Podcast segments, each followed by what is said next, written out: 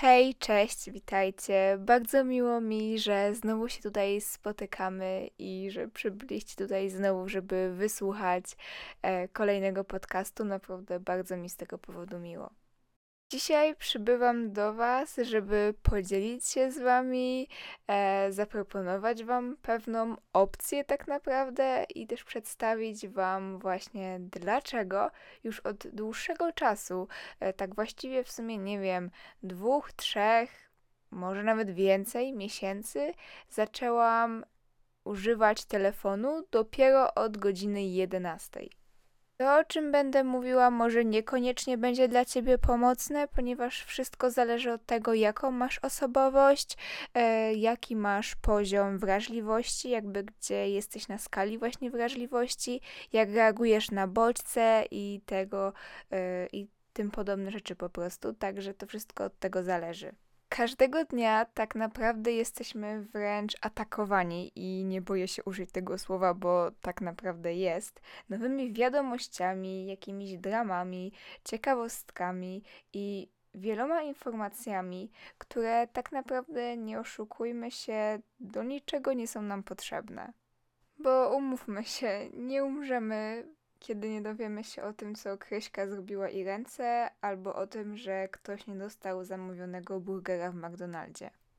Te informacje po prostu nie są nam niezbędne do przeżycia czy prawidłowego funkcjonowania. Jednak nasze głowy każdego dnia przyjmują zdecydowany nadmiar nieistotnych informacji. Nie byłoby nic w tym złego, gdyby nie to, że potem wiadomości naprawdę istotne, czy takie, które musimy zapamiętać, czy są naprawdę dla nas ważne, gubią się w tym całym natłoku tych wszystkich innych informacji. Jesteśmy bombardowani wiadomościami pozytywnymi, na przykład, że ktoś wygrał w totka, albo że udało się stworzyć jakiś lek na śmiertelną chorobę, lub ktoś komuś uratował życie. Ale jest też niestety druga strona medalu, czyli wiadomości negatywne, a wręcz tak naprawdę czasami dramatyczne. Różne wypadki, kradzieże, nagła śmierć. Trzeba mieć świadomość, bo często nie zdajemy sobie z tego sprawy, że to, co czytamy, ma na nas wpływ i na nasze zachowanie, i to większe niż nam się może wydawać. No i właśnie, wstając rano i sięgając po telefon, otwieramy się na to wszystko.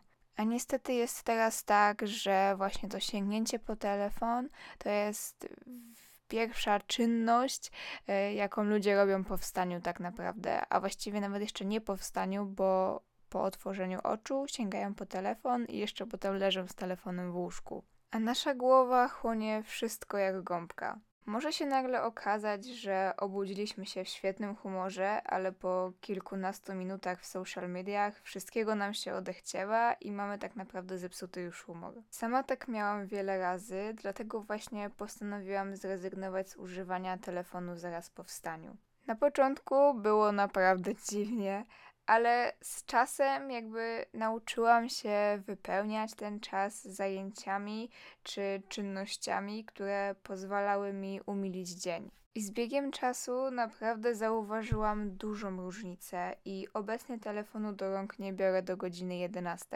Zaczęłam jakby od tego, że moim celem na początku było właśnie przynajmniej ta godzina po wstaniu nie sięgać po ten telefon, a potem z czasem, kiedy zaczęłam zmywać się czynnościami, to ten czas zaczął mi lecieć jakby sam i jakby zauważyłam, że nie potrzebuję tego telefonu i tak naprawdę właśnie ta 11 w sumie jest takim czymś umownym, bo po prostu sięgam wtedy, kiedy czuję, że chcę.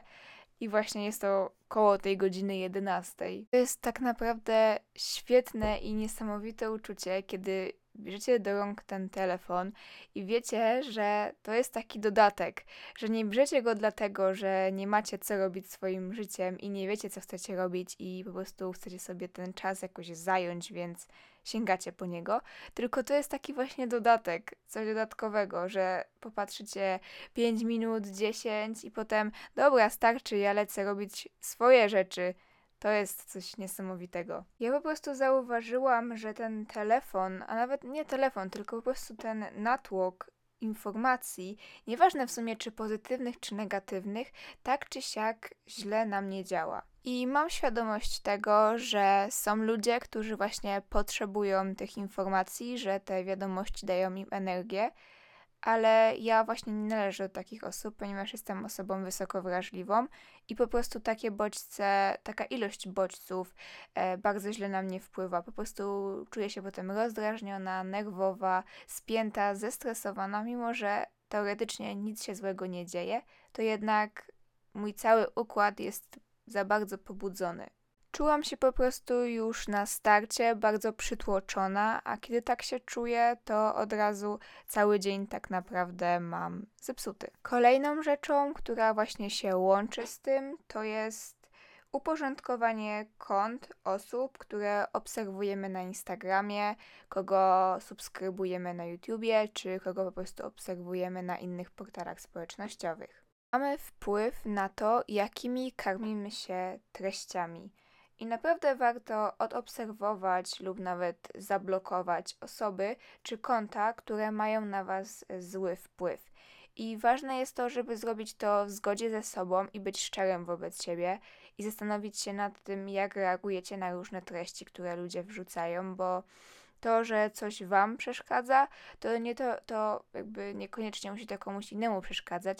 Dlatego właśnie warto zastanowić się i być właśnie szczerym w tym i zrobić to w zgodzie ze sobą. Natomiast warto zostawić albo poszukać takich osób, takich kont, które Was inspirują, motywują, poprawiają Wam humor. Zauważyłam też, że wiele osób ma właśnie problem z zablokowaniem kogoś. I ja też właściwie miałam z tym duży problem, ale pomyślcie sobie, że robicie to dla waszego dobra, ale tak naprawdę też dla dobra waszych bliskich, przyjaciół, osób, którymi się otaczacie, ponieważ wasz nastrój, wasze zachowanie wpływa na nich. Także wcale to nie jest egoistyczne, jak niektórzy mogliby sobie pomyśleć, bo robicie to nie tylko dla siebie, ale też dla innych, jeśli to komuś pomoże. Także mam nadzieję, że skłoniłam kogoś do refleksji, do zastanowienia się nad tym tematem. Oczywiście nie musicie się ze mną zgadzać, nie musicie tak robić. To jest tylko moja sugestia. Mam nadzieję, że podcast Wam się spodobał i do zobaczenia w kolejnym odcinku.